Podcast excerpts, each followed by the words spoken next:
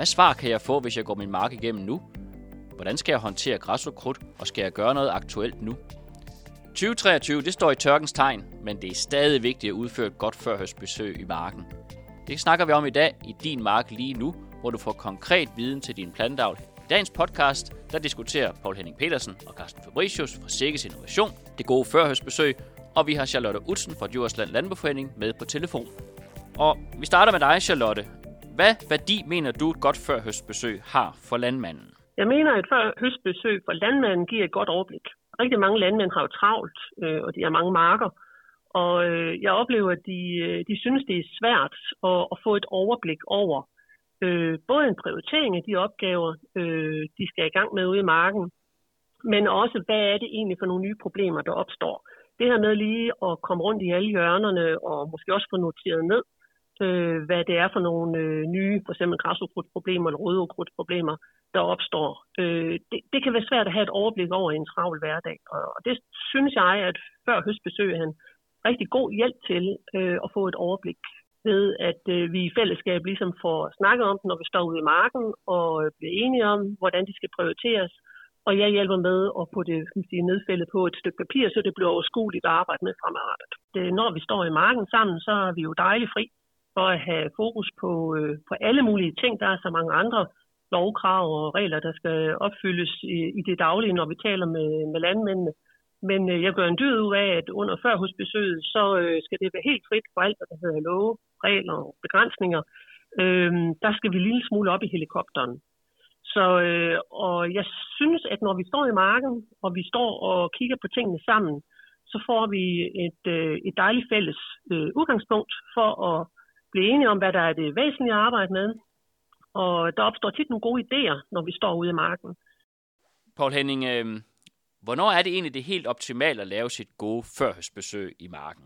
Jamen det korte svar er, at øh, før høst, det er faktisk en lang periode, fordi øh, det bliver rigtig interessant at se godt efter, allerede når græsukrudtet skrider igennem, der er det øh, faktisk mest synligt, og så frem til det begynder at nedvæsten derude, øh, så er det meget synligt. Når først vi når frem til de sidste par uger før høst, så er meget af græsset, det er jo nedvæsende og har smidt frøene, så der er det sværere at se, men man kan stadigvæk nå det. Og øh, så vil jeg også sige, at der er også andre afgrøder end korn, øh, sådan noget som majs, der er det faktisk vigtigt at komme ud, inden rækkerne lukker, fordi der har man det store overblik og kan spotte, hvis der er nogle pletter med for eksempel hanespor, der har overlevet, eller har spredt sig, man ikke var klar over, at man havde dem.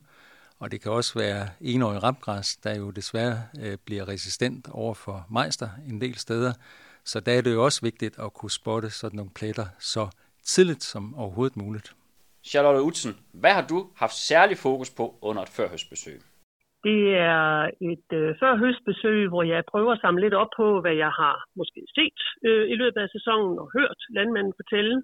Og øh, det, det noterer jeg mig, og, øh, og det tager vi med, kan man sige, ud i marken. Når vi så står i, øh, i marken, øh, så er vi jo dejligt fri for at skulle snakke skemaer og regnskaber. Øh, og der er øh, fuld fokus på kan man sige, status i markerne derude, og, øh, og hvad det er, vi skal have arbejdet med øh, fremadrettet af problemstillinger.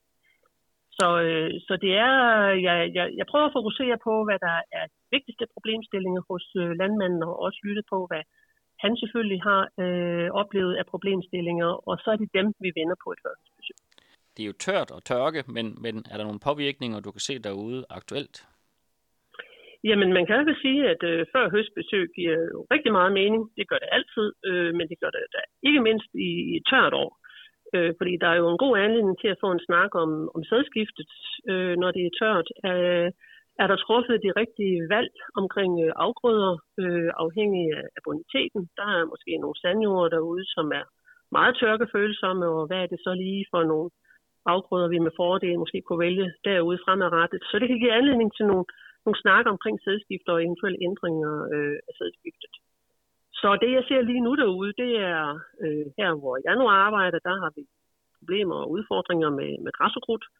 Øh, og græsukrudtet øh, har jo fået rigtig god plads i, øh, i øh, afgrøderne i år, som øh, måske ikke alle steder har busket sig lige godt. Og øh, græsukrudtet, det har desværre ikke øh, de samme problemer med tørke, som, øh, afgrøderne har, så, øh, så der er god plads til dem nogle steder. Og det, øh, det er en af de ting, vi, øh, vi bruger meget tid på, på førhøstbesøgene i år i hvert fald. Så hvis vi går tilbage til korn, Paul Henning, så er det det der, når det er så tørt som i år, skal man så være lidt tidligere ude for at få det gode overblik, eller hvordan skal man forholde sig til tørkeperioden? Ja, ingen tvivl om, at det er nemmere at se, så længe det, det er grønt. Øh, når, når græsset tør ind, så, så bliver det altså sværere at vurdere mængden af det. Men en, en, et godt tip kan også være øh, kig øh, godt efter langs øh, køresporene. Fordi der har græsset jo, og anden ukrudt for den sags skyld, jo plads til at, at, at brede sig, så det er øh, en god indikation at se, hvad, hvad er der egentlig i, i, i køresporene.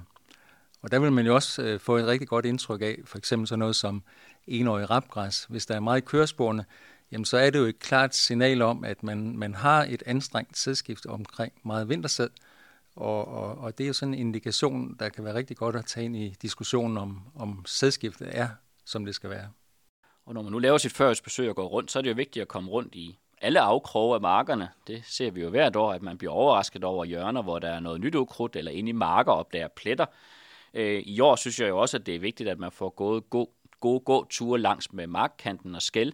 Jeg synes, vi ser rigtig meget goldhejer og græsukrudt, der står og vil trække ind i markerne. Så lav nu nogle gode øh, observationer langs skældkanterne også, så man har en klar øh, formodning om, at er der meget græs og krudt i kanten, så skal man måske lige lave en anbefaling om at skubbe majtaskeren lidt ind, så man ikke kører helt ud til skæld den første runde.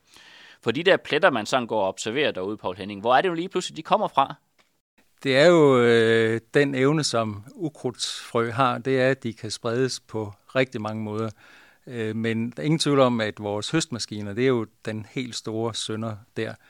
Og sådan en majtasker, øh, hvor man spænder skærbord af fra, der vil jo altid drysse noget, og det samme halmpresser, hvor den starter og smider den første balle, og øh, når en majtasker eller en kornvogn kører, jamen når der er vind på vejen, og bare fartvind, det kan jo sagtens lette nogle af de, de, de små ukrudtsfrø, der er. Så, så indkørsler og langs veje og sådan noget, det, det er et godt sted. Og man kan så sige, jo tidligere man kan opdage et problem, altså er man nu fri for ærevhal for eksempel, eller man er fri for italiensk regngræs, kan man nu opdage de første få planter, så har man jo virkelig fået en, et forspring i forhold til at komme af med det igen, fordi det er jo typisk sådan, at, at når øh, man får det igennem majtasken, så trækkes det jo nogle meter. Det er jo ikke sikkert, men man, opdager det de første to-tre år. Og så er det, man lige pludselig ser, så siger det bang. Det er nærmest ligesom en eksplosion ud i marken. Så er det overalt. Men det er jo ikke lige kommet på en dag. Øh, det er jo fordi, at man selvfølgelig har overset og det er svært at se, og så er det trukket rundt med, med majtaskerne især, men, men, men også andre maskiner for den sags skyld kan jo også flytte. Og, og det er jo det, man opdager på sit førhøstbesøg, det er jo, at de der små pletter, der dukker op undervejs, at sige, hov, her skal man lave en indsats, og, og tage diskussionen landmand, konsulent imellem, og sige, hvad er det egentlig, jeg gør i min høststrategi? Er der noget, der er udfordret i min høststrategi? For man kan jo faktisk oftest følge majtærskerens rundture rundt i marken, og hvor er det, græsukrudtet kommer fra, hvor får den smidt hen, og kunne man lave en indsats med, at man gjorde majtaskerne mere ren i marken, inden man flyttede til næste mark, så er det jo her, man har diskussionen omkring det, øh, og lave de der gode arbejdsgange om at lade majtaskerne gøre sig selv så meget ren som muligt, have en løvblæser med, når man kører ud af marker, hvor der er græsukrudt og andet, så man får så meget smidt af i de problemmarker, man har, og ikke får det spredt til dem, der ikke har problemer. Og der kan jo ligge rigtig meget, der nemt blæser af på sluget og på akslerne, trækaksen og på øh, halmsnitteren. Altså alle de steder, hvor der ligger løst materiale, der vil jo også ligge nogle af de her øh, ukrudtsfrø. Og det værste er jo, hvis de nu er resistente, så er det jo ikke muligt at bekæmpe heller øh, året efter. Ja, fordi noget af det, man så møder derude, øh, når man laver førhøstbesøg, det er jo måske oftest nogle af de resistente bestande, øh, fordi man måske har udført sig sin ukrudtsbekæmpelse i foråret og ikke har fået virkning, og nu står det tilbage. Hvad reagerer man, når man ser sådan en plet, og man siger, jeg har været ude og købe ukrudtsmidler? Hvordan skal man så forholde sig til sådan en plet? Der må vi jo sige med de øh, erfaringer, vi jo desværre har gennem de senere 5-10 år, at det er bare vigtigt at reagere lige med det samme. Og det vil jo faktisk sige, at er man lige nu og her, hvor vi taler sammen, så er der så noget som øh, rejgræs. Det har øh, lige blomstret. Så der har man det tager sådan to, tre, tre, fire uger at, at danne modne frø, så man har en uge eller to fra, man ligesom ser støvdragene øh, øh, komme ud af akset, til at kunne slå det af og lade det ligge i marken. Men øh, lige om lidt, hvor det så har sat modne frø, så er man jo nødt til at fjerne det, øh, og så kan man jo så forhåbentlig komme af med det til, til noget biogas eller, eller til noget foder, eller hvad, hvad nu man kan finde anvendelse. Men øh, det er bare så vigtigt at få fjernet øh, plante, øh, plantemateriale, så man ikke får øh, opformet de her resistente planter.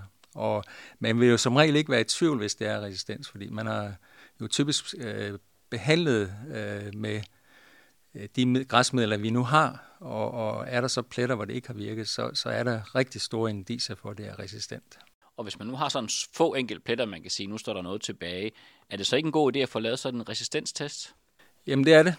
Og øh, når nu du spørger på den måde, så øh, kan jeg da også lige sige, at øh, vi øh, fra SIGGES innovationsside har lavet en aftale med et tysk firma, og med øh, vores lokale øh, plantavlskonsulenter, øh, at øh, der er et, et godt tilbud om at få resistenstestet øh, de forskellige græsukrudtsarter, og øh, der er en test med seks produkter, som man får vide om Cossack, Broadway, Topic øh, osv., om de, om, de, om de virker eller de ikke gør. Så altså seks produkter bliver testet øh, på én gang. Så, så resistenstest, det kan landmænd og konsulenter øh, udføre, øh, og der er øh, mulighed, hvor det via de lokale DLBR-centre at få det til at køre. Øh, det er jo også nu på sådan første besøg, man snakker omkring etablering, altså hvordan har man fået etableret afgrøderne, øh, og som Charlotte siger, så er det også her, man snakker sædskifter og ser på, er det nu, man skal ændre sædskiftet, er der på rette vej.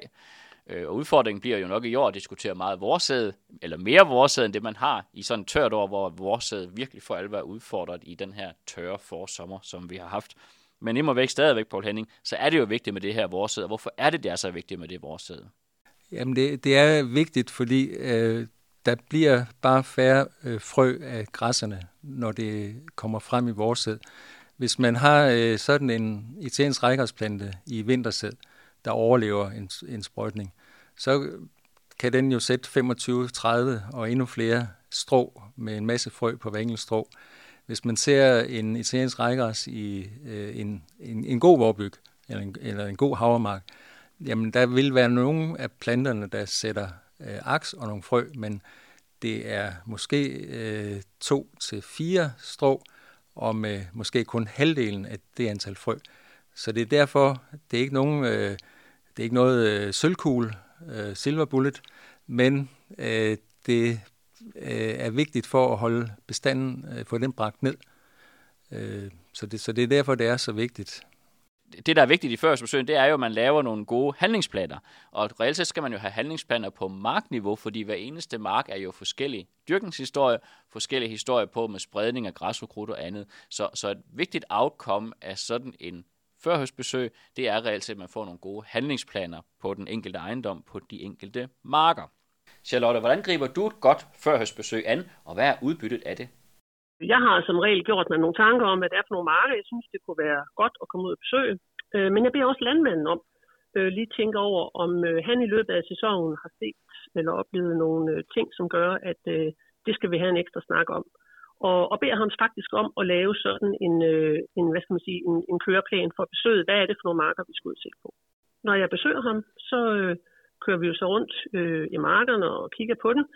Jeg stiller rigtig mange spørgsmål undervejs starten siger jeg ikke altid så meget. Jeg lytter på, hvad han fortæller, og prøver ligesom at spore mig lidt ind på, hvad det er, han oplever er de største øh, udfordringer, han har i, øh, i sine marker. Øh, og jeg har jo så også min egen idé om, hvad det er for nogle udfordringer. Og først når jeg sådan ligesom har givet ham plads til at fortælle, hvad, øh, hvad han synes, øh, der er det væsentlige, jamen så går vi ligesom ind i snakken om i, øh, i markerne, hvad, øh, hvordan skal vi have løst de her problemstillinger? Hvad er lykkes, hvad er ikke lykkes i løbet af, af sæsonen, og hvad skal vi have gjort anderledes øh, fremadrettet? Og øh, når vi har afviklet forsøget, øh, eller besøget, så, øh, så laver jeg altid en kort markrapport, hvor jeg beskriver, hvad vi har talt om, hvad var problemstillingerne, hvad for nogle løsninger har vi talt os frem til, og øh, så øh, supplerer jeg sådan med en lidt detaljeret oversigt over de marker, vi har besøgt, med nogle helt korte notater om ukrudtsproblemer, øh, behov for jordprøver, øh, hvad det nu kunne være, der var relevant i de enkelte marker.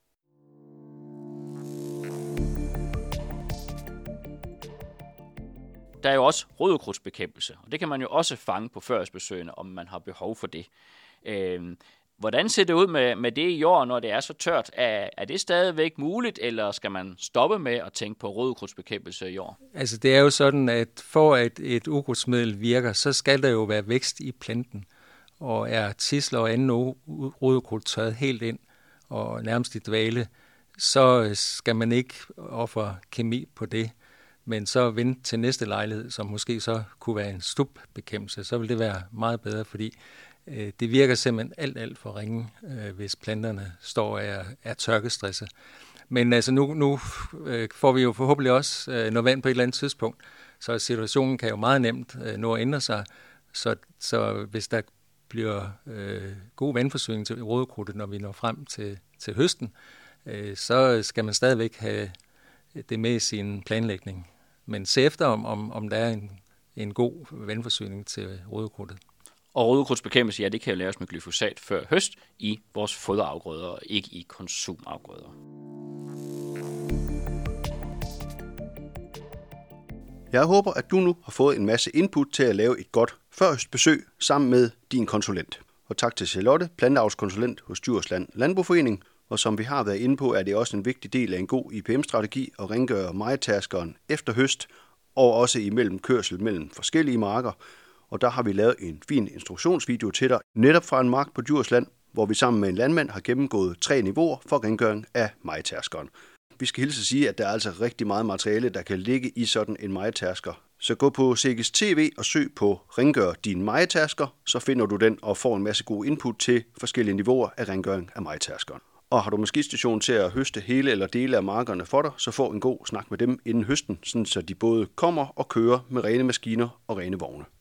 Og så er der bare at sige, have nogle rigtig gode førhøstbesøg og rigtig god høst her fra Sikkes Innovation. Podcasten, du har lyttet til her, er støttet af Promille Afgiftsfonden. Er du blevet opmærksom på den på Facebook, så kan du tagge din markmand eller din maskinstation i kommentarfeltet, sådan så de også får den lyttet.